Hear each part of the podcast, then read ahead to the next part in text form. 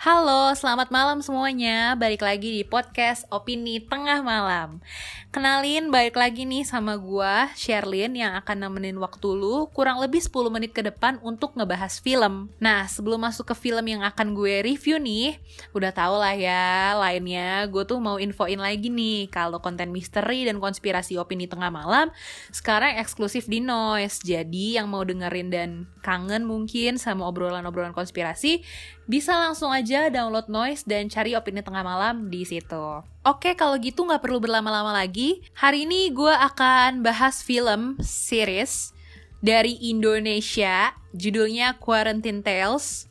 Film series ini baru aja rilis di Netflix tanggal 1 Juli 2021 kemarin, jadi masih baru, masih anget-anget lagi nih.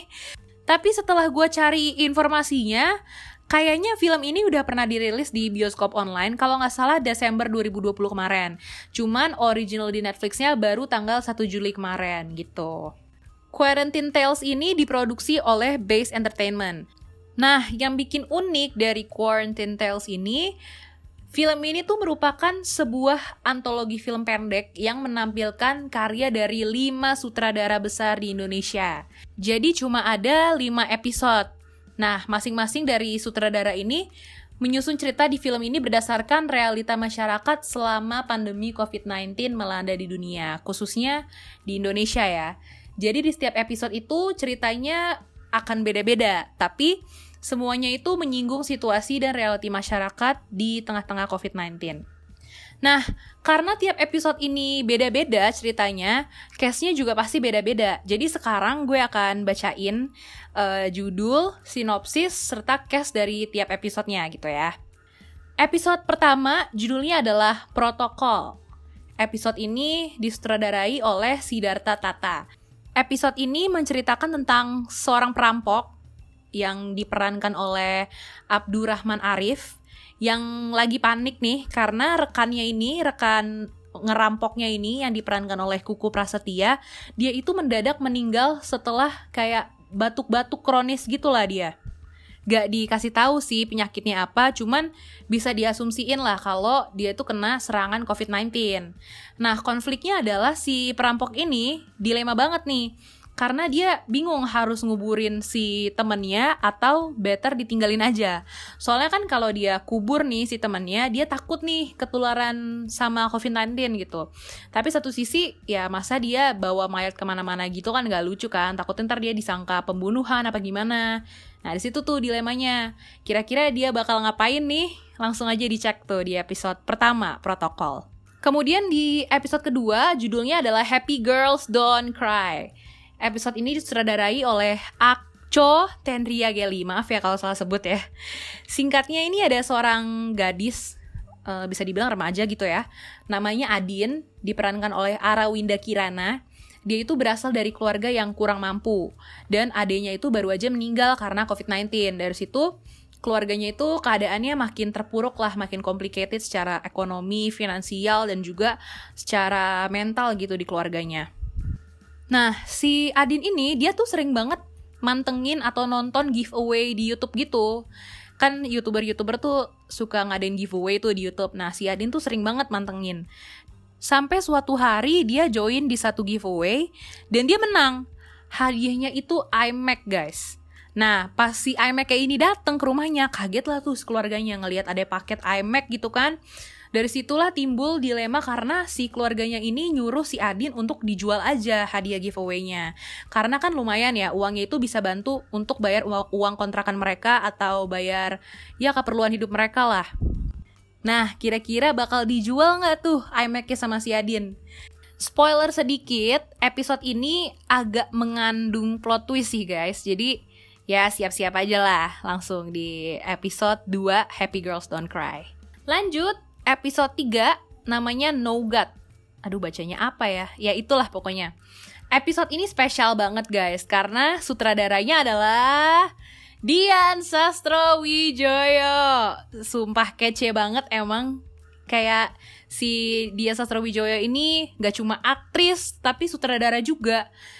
Aduh, keren banget pokoknya. Shout out deh buat fans-fans yang Mbak Dian yang lagi dengerin opini tengah malam sekarang.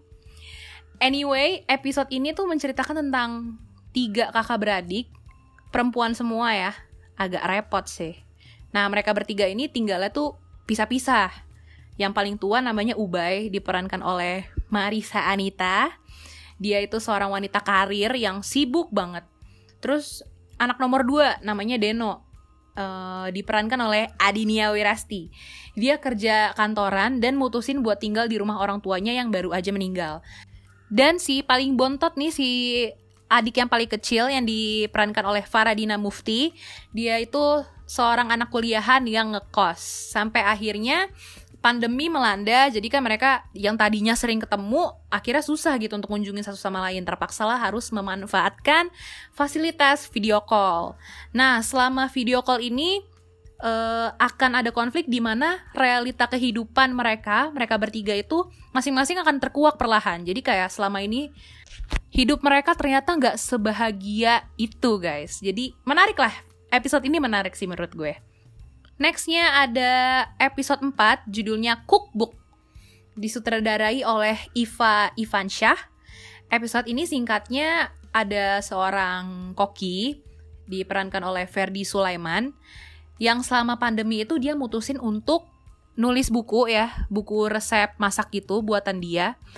Tapi ada sedikit plot twist di episode ini karena selama dia nyelesain bukunya, dia dipertemukan sama wanita misterius. Pokoknya ya misterius gitu lah gue nggak mau spoilerin kalian harus nonton sendiri. Karena endingnya sih agak shocking sih di sini. Jadi langsung aja dicoba nonton episode 4 judulnya cookbook Oke, okay, last but not least, episode 5 judulnya Prankster. Episode 5 ini disutradarai oleh Jason Iskandar episode ini jujur episode favorit gue sih. Sesuai dengan judulnya ya, Prankster. Episode ini tuh menyinggung realita lumayan pahit gitu lah ya. Khususnya mengenai fakta-fakta tentang YouTuber yang kadang-kadang tuh mereka ca pakai cara yang kurang terpuji atau ya kasarnya jahat gitu ya celakain orang lain demi konten, demi subscriber dan ya udah pokoknya demi ketenaran gitulah. Nah, di episode ini akan ada plot twist juga dan jujur di episode ini gue merasa ada kayak semacam vibes nonton horor gitu. Pokoknya deg-degan dan ya gitulah kalian harus coba sendiri karena gue sih ngeliatnya kayak agak vibes horror gitu ya. Pokoknya gak nyangka deh ceritanya bakal seperti itu. Jadi episode 5 ini episode favorit gue sih. Oke, itu dia tadi 5 episode dari Quarantine Tales gue cuman kasih sedikit-sedikit aja sinopsis dari tiap episodenya.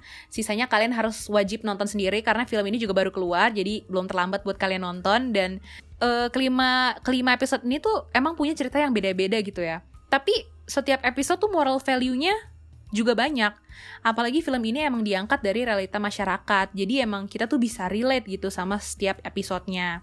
Selain itu, plot filmnya juga enteng karena nggak lama juga durasinya. Setiap episode itu kayaknya kurang lebih uh, eh, 15 sampai 20 20 menit gitulah kayaknya ya. Iya sih, sepertinya 15 sampai 20 menit gitu. Untuk rating dari Quarantine Tales, gue akan kasih 1 sampai 10, gue mau kasih 8,5.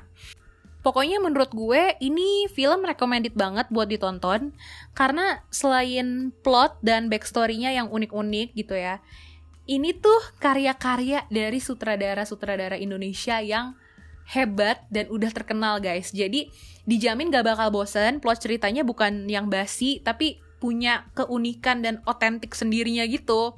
Jadi buat kalian yang selama tadi gue udah review kasih bocoran-bocoran sedikit terus penasaran, langsung aja nonton di Netflix Quarantine Tales. Oke, mungkin segitu dulu review dari gue kali ini tentang Quarantine Tales. Kalau yang udah nonton filmnya, bisa banget dong komen-komen di sosial medianya Opini Tengah Malam. Kita ada di Instagram dan juga Twitter. Jangan lupa subscribe YouTube-nya Opini Tengah Malam karena segala konten film dan konspirasi ada di situ. Terus mau infoin lagi mohon izin ya sekali lagi buat yang kangen diskusi konspirasi bisa langsung aja cus ke noise. Oke, kalau gitu para pendengar open minded, selamat malam dan sampai ketemu di episode berikutnya. Bye.